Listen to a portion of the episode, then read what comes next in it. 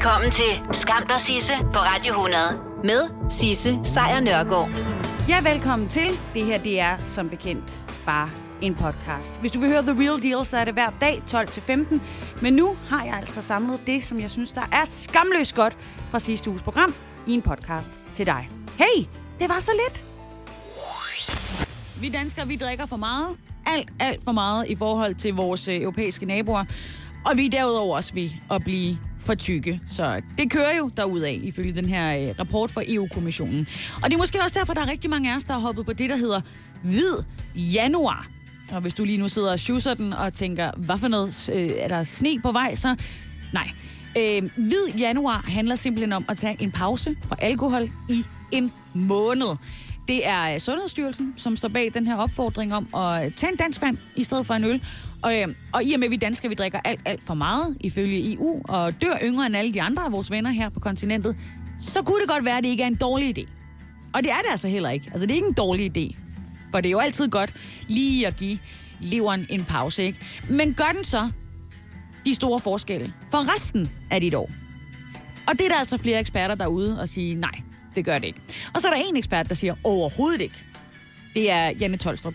Hun er professor ved Statens Institut for Folkesundhed på Syddansk Universitet, hvor hun blandt andet forsker i alkohol. Og hun har været ude at sige til DR, at hvis du stopper med indtaget af alkohol i januar, men fortsætter med de samme mængder fra februar til december, jamen så nytter det ikke noget. Det er ikke den livsstil, du har i en kort periode, der er afgørende for din sundhed. Og det giver jo god mening. Det gør det jo. Altså, hvis du stopper en måned, men så bare drikker alligevel resten af året, så er det jo bare en form for kur.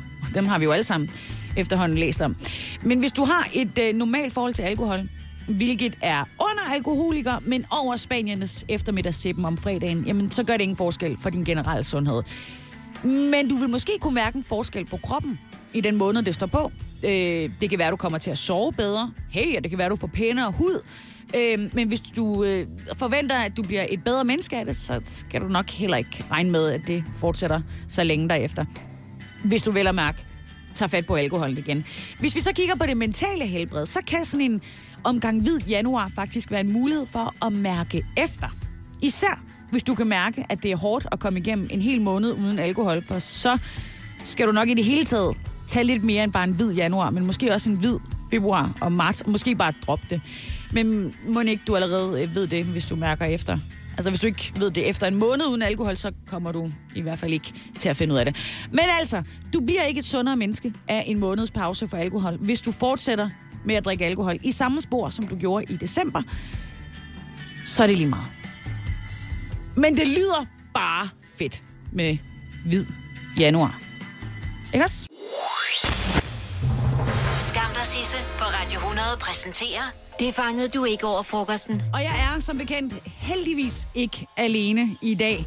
Cecilie Domanski er kommet i studiet, og jeg kan forstå, at det handler ikke kun om i dag, hvad jeg øh, ikke fangede over frokosten. Nej, lige præcis. Det handler faktisk om øh, dette år, altså 2020, fordi vi er jo trådt ind i et nyt år, Sisse, og faktisk også et nyt år 10. Og det betyder altså også, at der her den 1. januar 2020 er kommet nogle nye love og regler. Nogle nye lov og regler? Nye altså er det sådan og noget i trafikken, eller hvad er vi ude i? Det er både i trafikken og i husstanden og på arbejdsmarkedet og så videre. Og så er det meningen, at jeg skal vide, hvad de her regler går ud på. Nu kan jeg næsten regne ud. Det synes jeg nemlig, Ah. fordi jeg synes, vi skal se lidt nærmere på dem her, og så har jeg lavet en lille quiz Uh. med fem af de her love. Ja. Så et lille udvalg af de her love, der er trådt i kraft.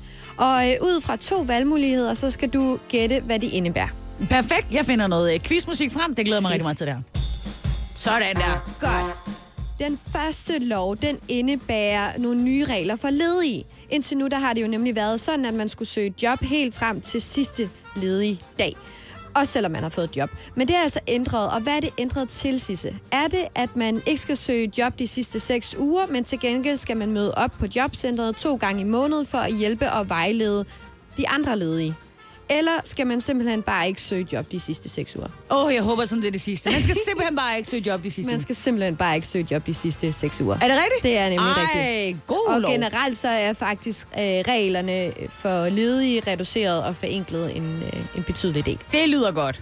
Den næste lov, den drejer sig om hastighedsgrænsen for lastbiler. For lige nu, der må de køre 70 km i timen uden for tættere bebyggede områder og på motortrafikvej. Men hastigheden er ændret, at den blevet lavere, sådan så de kun må køre 60 km i timen eller 80 km i timen. De må køre 80 nu. Det er nemlig rigtigt. Sådan. Lige præcis. Den tredje lov, så den indebærer dyre bæreposer. Men hvor dyre er de blevet? Lige nu er de jo 3 kroner, koster de 3 kroner, men er et sted til 4 kroner eller 5 kroner? 4 kroner. Det er også rigtigt. Nej, hvor det kører for Ja, mig. ja, ja. 3 ud af 3.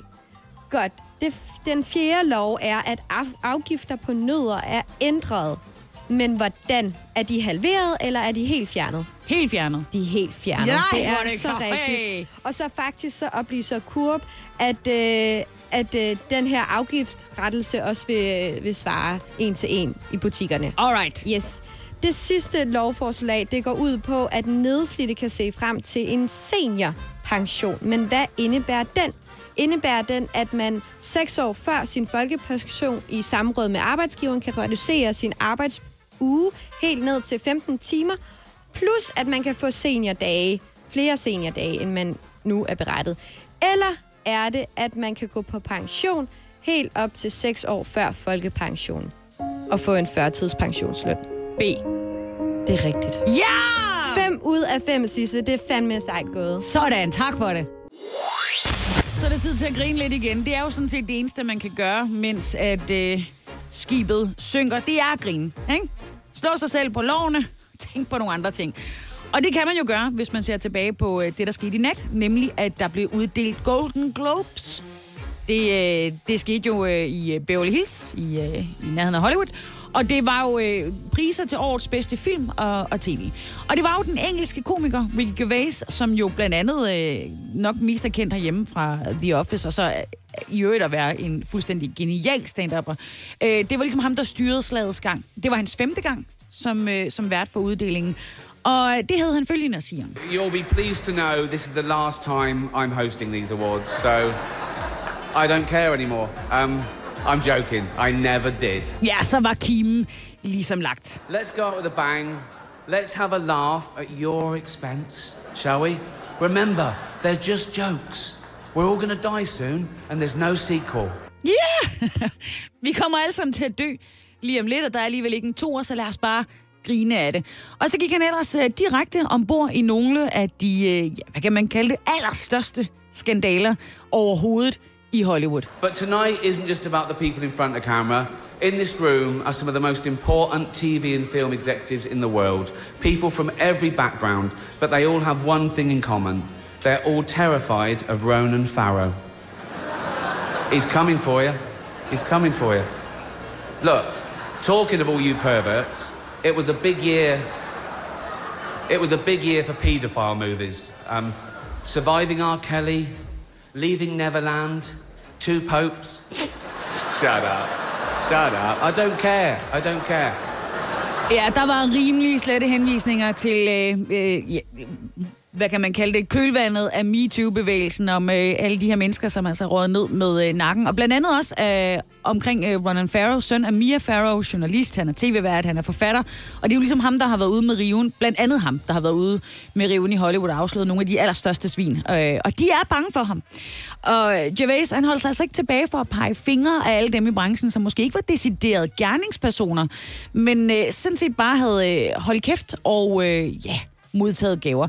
For eksempel så talte han om en, øh, en serie på Netflix, som man ville kunne binge, binge-watche, som det hedder, i stedet for at øh, se Golden Globe-uddelingen. That that's a show about a man who wants to kill himself because his wife dies of cancer, and it's still more fun than this. Okay?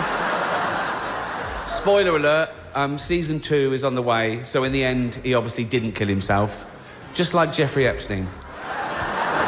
Shut up! I know he's your friend, but I don't care. Ja, der var også lige en øh, lynhurtig bemærkning omkring øh, Jeffrey Epstein, som jo øh, var sigtet for trafficking og øh, hang sig selv i en øh, fængselscelle. Formentlig. Han, han, blev, han blev ligesom også vasket igennem i, øh, i nat. Og der var mere. Mange flere øh, jokes, passende som upassende. Og dem får du altså øh, efter en omgang Sam Smith. Som bekendt, så var Ricky Gervais, øh, Gervais, Gervais alle siger det bedre end mig. Han var vært i nat, da Golden Globes blev øh, uddelt til de bedste film og tv-serier, og alle de skuespillere og instruktører og manus og så videre, så videre, der har haft en del i de her øh, projekter. Han var vært. Det var det, jeg ville frem til. Og det var hans femte og sidste gang, som han jo øh, sagde rigtig ofte. It's the last time, who cares? Ja. Og det var også derfor, han var ligeglad. Og han skød til højre, og han skød til venstre, og det var en øh, kæmpe fornøjelse at se. I hvert fald i den indledende tale. Øhm, han talte også godt om filmen. Det, det var ikke derfor, der var rigtig mange film, som blev øh, rost. Også selvom der var skud ud til dem, der så var med i de her film. It wasn't the only epic movie. Once Upon a Time in Hollywood, nearly three hours long.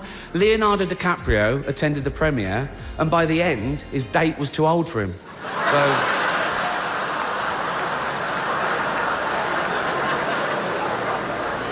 Even Prince Andrew's like, come on, Leo, mate, you know. You're nearly 50, son. Ja, så skød han lige efter den helt klassiske gammel mand med ung kvinde, øh, i det her tilfælde Leonardo DiCaprio, som jo var med i Once Upon a Time in øh, Hollywood, og hvis date så angiveligt var for gammel efter de tre timer, som filmen varede. Så gammel, at selv Prince Andrew ville løfte øjenbrynet. Og så handlede det jo øvrigt også om øh, den længe ventede, fuldstændig forfærdelige film Cats, altså en film, der er baseret på musicalen af samme navn, og som jo er druknet i elendige anmeldelser. Det skulle være helt og aldeles forfærdeligt i, i sådan en stil, at du har lyst til at flå huden af din ans- dit ansigt og pille din negle af, efter du har set den. Cats, no go.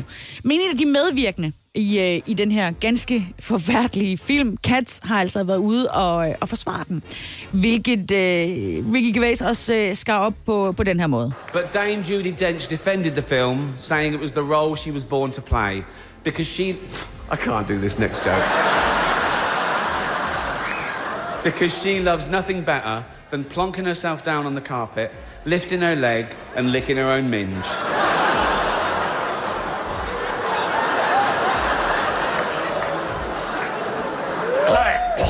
Furball, furball.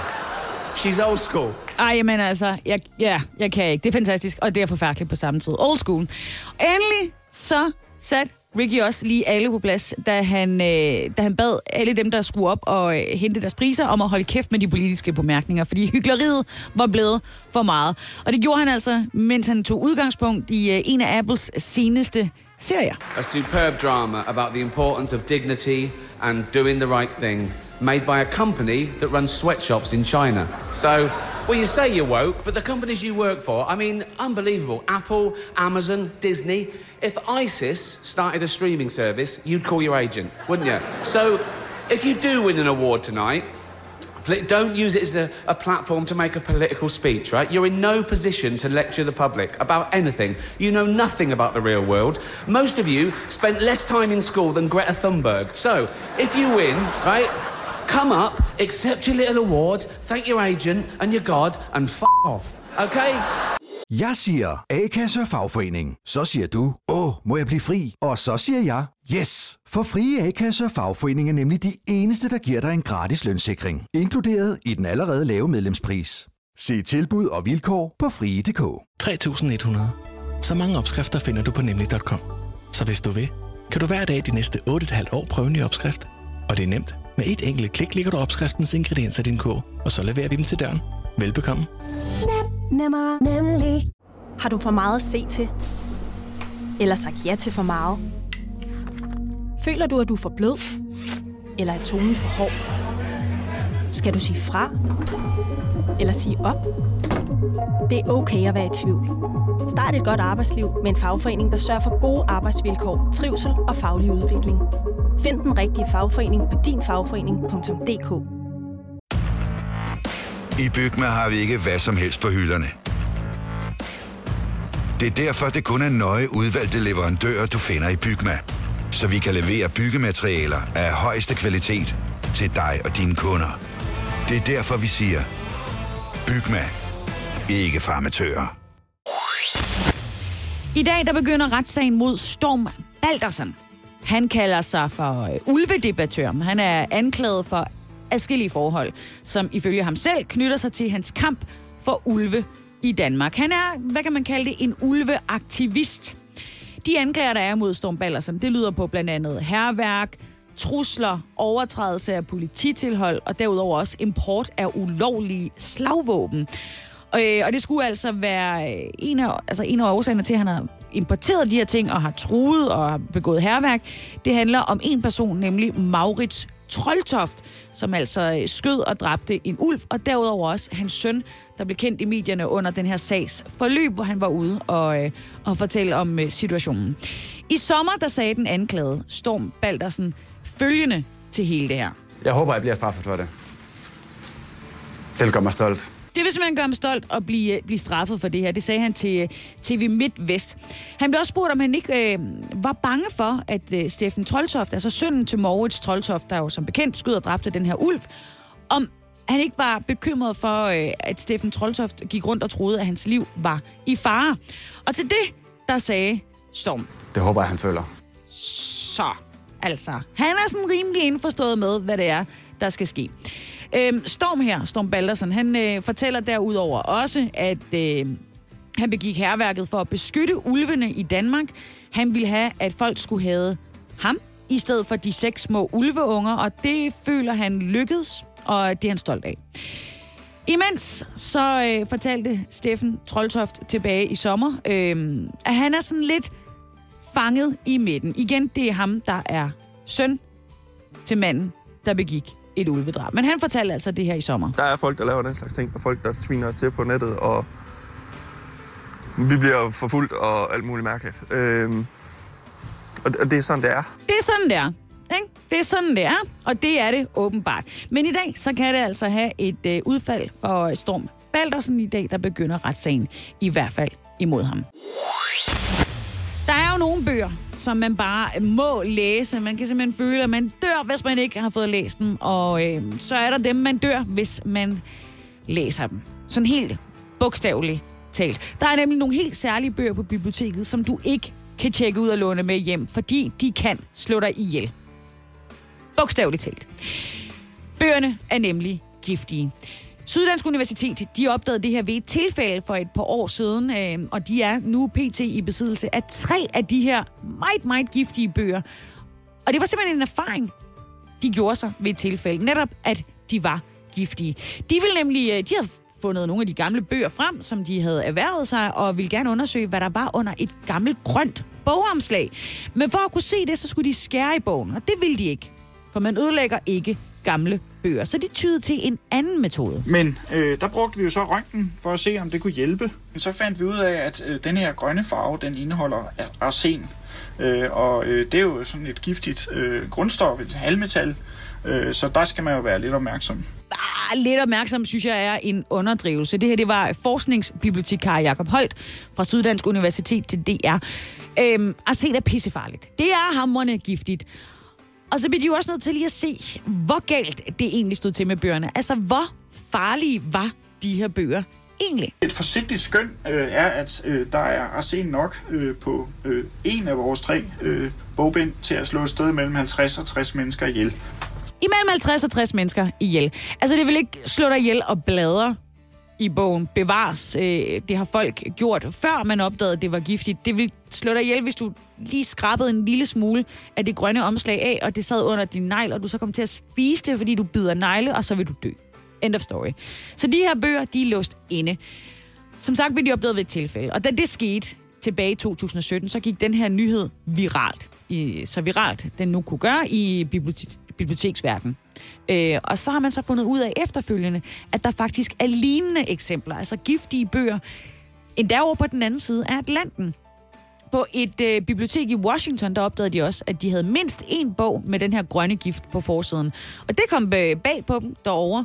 Øh, det var nemlig en af de bøger, som øh, de viste frem for besøgende, når de skulle vise et eksempel på en ekstra gammel, ekstra sjælden bog. Og så har de bare stået der æget og rørt ved det her hammerne giftige arsen. Der kan være mange flere bøger af de her hammerne giftige bøger i Danmark som i udlandet, og de er garanteret lige så giftige som dem, som der allerede er fundet. Og nej, nu er det ikke sådan, at der har siddet et eller andet øh, stygt menneske og forgiftet de her bøger. Det er simpelthen, fordi arsen er blevet brugt til at farve øh, grønt med i, øh, i tidernes morgen. Altså inden de opdagede, at det vil slå vedkommende ihjel. Så de lærte det på den hårde måde.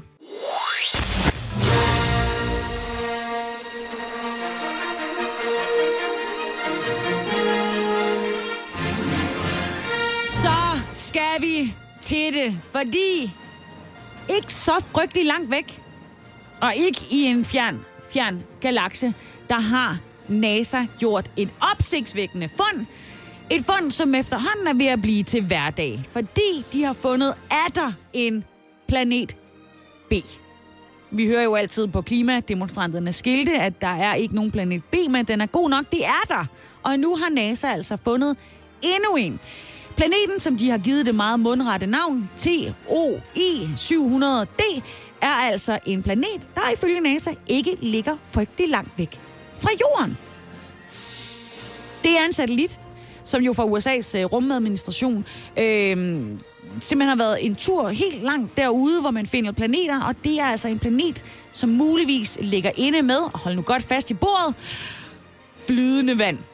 Det skriver de i en pressemeddelelse. Øh, de har simpelthen fundet en, der ligner jorden, og da den ligger inden for en beboelig rækkevidde af en stjerne, så kan det altså gøre, at der også er flydende vand, og så kan det også gøre, at der er en ekstra chance til os mennesker.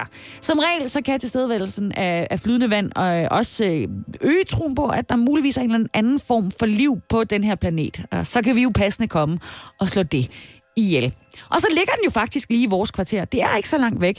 Den her øh, TOI 700D, den ligger nemlig ifølge NASA relativt tæt på jorden, nemlig kun 100 lysår væk fra os.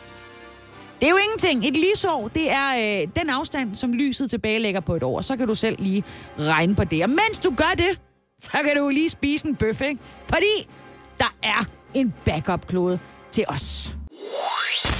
Flere hundrede danskere, de kan altså have ventet øh, forgæves på en erstatning, og det kunne de, de kan have ventet i månedsvis, selvom de havde fået myndighedernes ord for, at de var berettiget til en økonomisk kompensation efter at være kommet til skade på jobbet. I løbet af det seneste år, der er der nemlig Altså, det er et eklatant fuck up, det her. Der er 186 afgørelser i arbejdsskadesager havnet i et sort hul hos Arbejdsmarkedets Erhvervssikring, også kendt som AES. Øh, det er dem, der behandler sager for danskere med arbejdsskader. Hvorfor, tænker du så? Oh, Nå, men bare simpelthen fordi, at øh, afgørelserne fra Ankestyrelsen er havnet i en e-mailbakke, som ingen har fået ansvar for at tjekke. Ja, I, I kid you not. Øhm, det her det er altså noget, der fremgår fra øh, et, et brev fra AES, som øh, F4 Arbejdsliv, altså dem, der er ude med historien, de har set. Og det fremgår altså, at den her IT-fejl, som de har valgt at kalde den, har stået på siden februar måned sidste år. At styrelsen altså først er blevet opmærksom på problemet her i november måned i øh, sidste år også. Samtidig så har de her øh, mange sager bare øh, ligget i øh, e-mail-indbakken, mens folk har gået rundt og ventet i op til 10 måneder på at få en afgørelse på noget, der skulle have været afgjort for længe siden. Ifølge Arbejdsmarkedets Erhvervssikring, så strandede de her mange afgørelser øh, på grund af en fejl i et såkaldt informationssikkerhedstiltag. Også kendt som, øh, du er vist ikke blevet clearet til at tjekke den e-mail, så vi finder en anden. Øh, hov, det kommer aldrig til at ske. Men selvom den her fejl altså skyldes øh, styrelsens IT-system, så mener øh, Frederik Våge, han er jurist og derudover også forskningsleder i øh, offentlig ret ved Syddansk Universitet. Han mener ikke, at det undskylder, at de her mange sager er endt i den her uovervågede mailbox. Han siger til øh, A4 Arbejdsliv, at det, at man har et IT-system, som låser tingene fast, det fritager ikke embedsmændene fra et ansvar. Det er dem og ikke maskinerne, der er ansvarlige for, at sagerne bliver behandlet rigtigt. Ja, A4 Arbejdsliv, som jo netop er ude med den her historie, de har jo bedt om at få et interview med direktøren for Arbejdsmarkedets Erhvervssikring. Hun hedder Anne Christine Axelsen, og de vil jo gerne høre hendes forklaring på, hvorfor at de her 186 afgørelser i sager om arbejdsskader kunne havne i en uovervåget mailbox. Hun kunne desværre ikke lige overskue og stille op til et interview, men hun kunne godt svare på en mail. Ja, hun får åbenbart sin mail. Så hun skriver altså, at de er kede af det, og de har desværre haft en række udfordringer med at modtage afgørelser fra Ankestyrelsen, og det skyldes altså ikke Ankestyrelsens afsendelse af post, men deres egne IT-tekniske udfordringer med at videre ekspedere de her Ja, bla bla bla. De har gennemgået alle de relevante sager og vil nu rette op, hvor det er nødvendigt. Så nu burde der komme svar. Der burde sidde en musse eller en masse og tjekke den goddamn e-mail. Ja, så skal det altså handle om uh, ulvedebattøren Storm Baldersen, som jo skulle i retten i går. Han havde haft gang i uh, herværk, han havde haft gang i trusler, og han havde importeret nogle ulovlige slagvåben, og alt det, det havde han gjort, fordi... Jeg lavede den her aktion, fordi jeg ikke ønskede, at øh, der skulle være for meget fokus på de seks ulveunger, og derfor ville jeg have folk til at have mig og fjerne fokus. Ja, og det kan man sige, det lykkedes måske meget godt. I går, der landede dommen, og inden du får at vide, hvad det blev, så kan jeg fortælle dig, at han blev øh, kendt øh, skyldig i øh, herværk mod blandt andet kirkefacader, samt trusler mod blandt andet den mand, der er dømt for at skyde en fredet ulv tilbage i 2018. Altså, det er okay meget. Det han blandt andet gjorde, det var, at natten til den 27. juni i 2019, der var han ude at male, altså Storm Baldersen, han var ude at male Ulfborg Kirke med slagord som Blod bliver ikke glemt, og naturen før mennesket. Og så spraymalede han også på øh, byskilte, og så satte han trækors op langs gaderne. Og på de her kors, der stod der altså navnet på den mand, som skød og dræbte en ulv, og derudover også navnet på hans søn. Og ved siden af det var der så skrevet Rest in Peace, altså R.I.P. Ja, da det ligesom var blevet opdaget, så stod han frem offentligt og fortalte, at det var ham, der stod bag herværket. Så der var aldrig ligesom nogen tvivl om, at det var ham, der havde gjort det. Øhm, og en af årsagerne til, at han har gjort det, det var, at der i området jo netop var det her ulvepar, som havde slået sig ned og havde fået seks valpe. Så hvad skal Storm så have af straf for det her? Well, han har fået 40 dages fængsel, og derover så skal han betale en bøde og sagens omkostninger. Og hvad siger han så egentlig selv til det? Det er jeg godt tilfreds med. Det synes jeg er meget passende. Måske lidt for lidt, men øh, det accepterer jeg. For lidt? Ja, det er for lidt forstået på den måde, at jeg rent faktisk har um, overmalet en hel by, og jeg synes 40 dages fængsel, det er lidt pinligt for, for det, jeg har gjort. Men på samme måde, som jeg synes, det er pinligt, at man ikke får fængsel for, for at dræbe et fredet dyr. Man kan sige, at jeg har gjort noget mod materielle ting, der er andre, der har gjort noget mod levende væsener, og jeg får fængsel, det gør den anden person ikke. Det, det finder jeg kritisk af det danske retssystem meget. Ja, det fik han altså sagt i går til DR, efter at han altså havde modtaget sin dom på 40 dages fængsel, en bøde og sagens omkostninger. Det var ifølge Storm Valdersen selv for lidt. Og han vil endda gå så vidt og sige, at han vil da også gøre det igen. Det har været det hele værd, ja, uden tvivl. Øh, jeg fjernet alt fokus for seks ulveunger. Alle folk begyndte at have mig, i stedet for at have fokus på at have de seks ulveunger. Så for mig har det været det hele værd. Jeg har gjort det igen. Stream nu kun på Disney+. Plus. Oplev Taylor Swift The Eras Tour, Taylor's version. Med fire nye akustiske numre.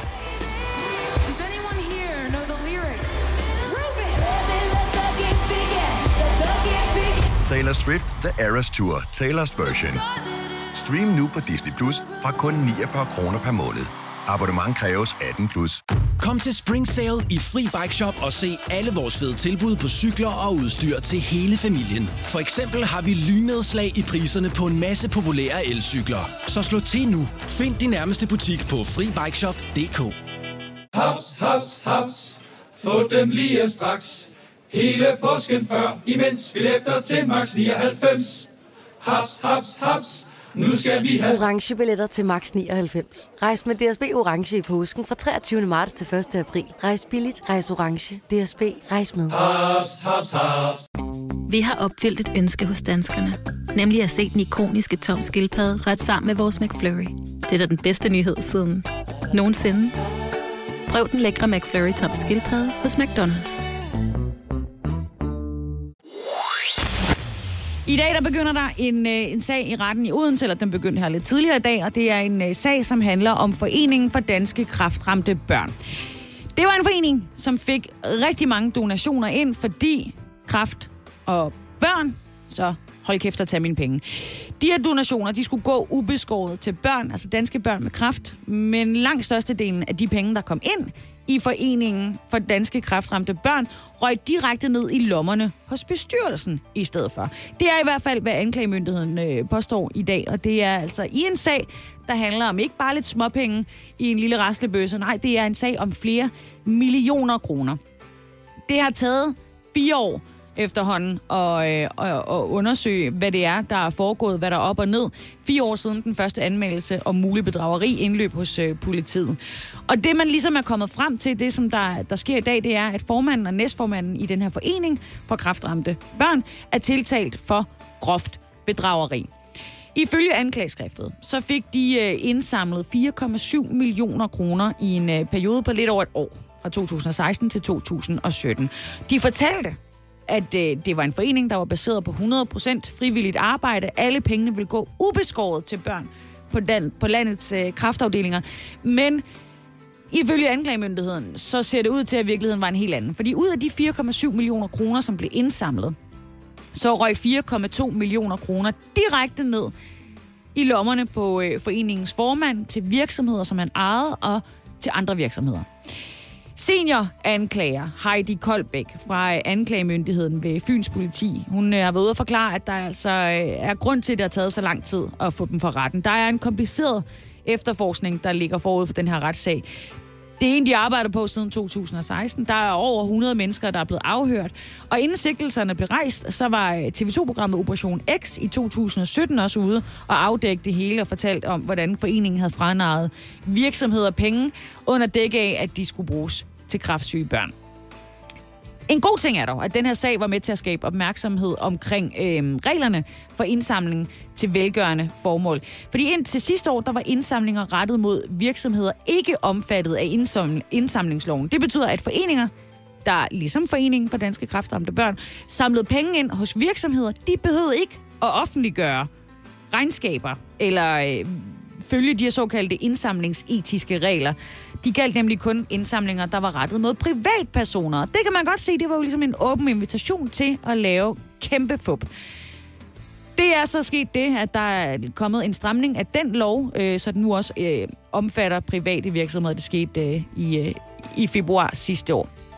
Den her sag imod formanden og næstformanden fra øh, Foreningen for Danske Kræftramte Børn, den øh, forventes at være færdig den 29 januar, og indtil videre, jamen, så siger de begge to, at de er uskyldige. Det her, det sker igen.